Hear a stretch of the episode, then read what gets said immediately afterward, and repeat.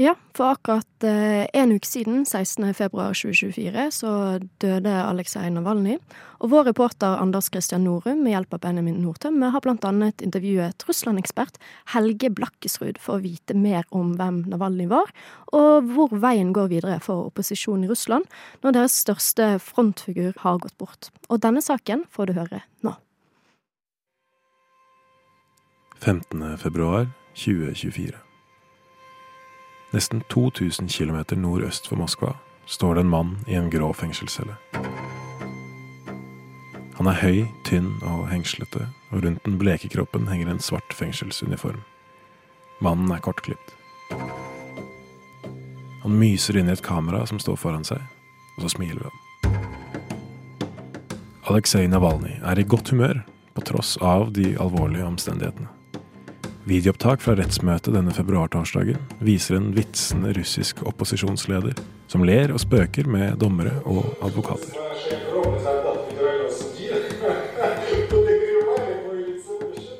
Siden desember 2023 har Navalnyj sittet i straffeleiren IK3 i den russiske byen Kharp.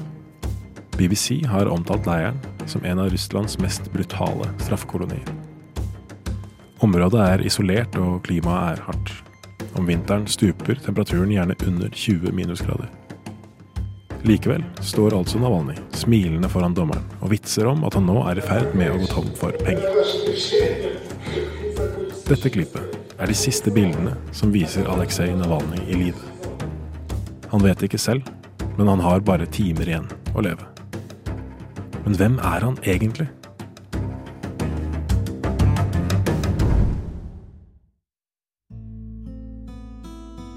Aleksej Anatoljevitsj Navalnyj ble født i 1976 i byen Butyn, et lite stykke utenfor Moskva. Som 22-åring fullførte Navalnyj en universitetsgrad i juss, og han tok senere også fag innen finans. Navalnyj har vært en særlig uttalt kritiker av Russlands president Vladimir Putin siden 2008. Dette året startet Navalnyj en blogg som anklaget statlige næringslivsledere for grov korrupsjon. I løpet av de neste årene deltok Aleksej Navalnyj aktivt i bevegelsene som ønsket å fjerne Putin fra makten. Hans kanskje største politiske seier kom i 2013, da han mottok hele 27% av stemmene i ordførervalget i Moskva. Dette klarte Navalnyj på tross av massiv motstand fra regimelojale medier, kontrollert av Putins støttespillere. Navalny spilte en avgjørende rolle i demonstrasjonsbevegelsene som rystet det russiske samfunnet tidlig på 2010-tallet. Flere hundre tusen russere leste etter hvert Navalnyjs blogg og fulgte talene hans. Navalnyjs politiske bevegelse vokste, særlig blant unge.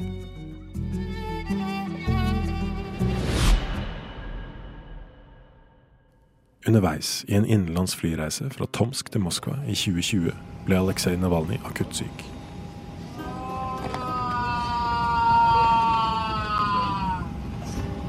Videoopptak gjort om bord i flyet viser en skrikende Navalny ligge på gulvet i flykabinen.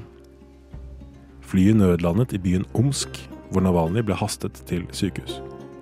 Etter massivt press fra vestlige land, blant dem Tyskland, tillot russiske myndigheter til slutt å sende Navalny til et sykehus i Berlin for behandling.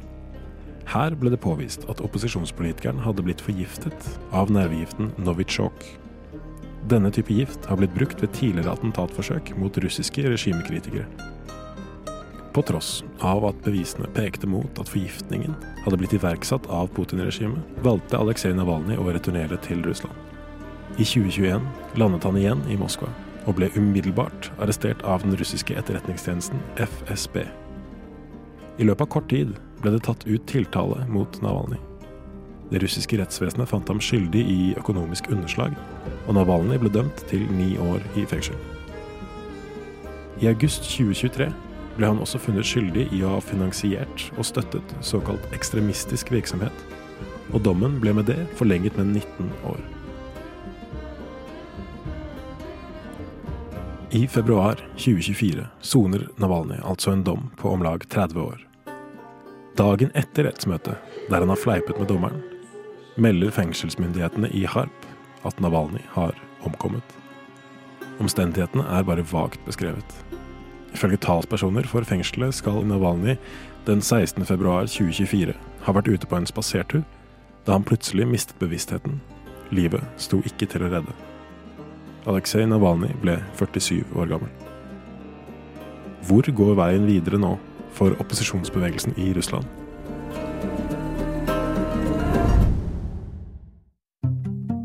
Jeg heter Helge Blakkesrud. Jeg jobber som førsteamanuensis eh, ved Universitetet i Oslo, hvor jeg jobber med russiske områdestudier. Og så har jeg også en bistilling på Norsk utenrikspolitisk institutt, hvor jeg i mange år har forsket på russisk eh, politikk, først og fremst russisk innenrikspolitisk utvikling. Hvordan har reaksjonene vært i den russiske befolkningen etter nyheten om Navalnyjs død?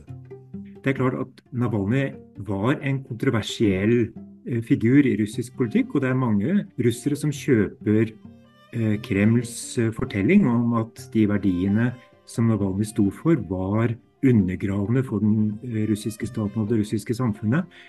Men vi har jo også sett mange uttrykk for eh, sorg og kanskje resignasjon. Eh, folk har kommet til minnesmerker i ulike byer for å legge ned blomster og å uttrykke sin sorg over at eh, Navalnyj har, har, gått bort. Alt under streng overvåkning selvfølgelig fra russiske myndigheters side.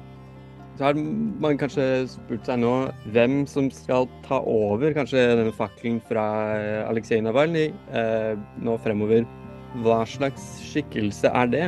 Når vi snakker om opposisjon i, i Russland, så må vi for det første skille mellom systemisk og ikke-systemisk opposisjon. Altså mellom det som Kreml definerer som politisk opposisjon, som er de som får lov til å drive med politisk virksomhet innenfor veldig strengt regulerte eh, rammer. Og så har vi den ikke-systemiske eh, opposisjonen, den opposisjonen som Kreml forsøker å marginalisere. Det er jo der vi fant Aleksej Navalnyj og, og hans folk. Og problemet der er at det ikke finnes noen klar kronprins eller noen som har de kvalitetene som, som Navalny hadde som formidler, og en som, som, kunne nå ut til de brede lag av eh, befolkningen med et, et lettfattelig budskap som mobiliserte. Hva har du å si om timingen for Navalnyjs dødsfall? Hvordan er det den treffer? Ja, jeg ble personlig overrasket over at det skjedde nå.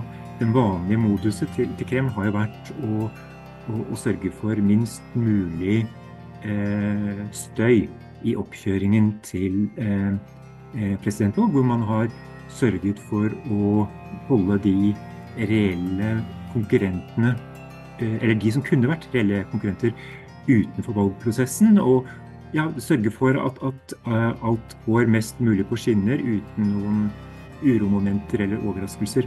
Så sånn sett så eh, Hvis man først skulle ta Navalnyj av dage, så, så ville jeg kanskje heller i utgangspunktet ha spekulert på at det ville skje etter at Putin nå blir gjenvalgt for en ny seksårsperiode.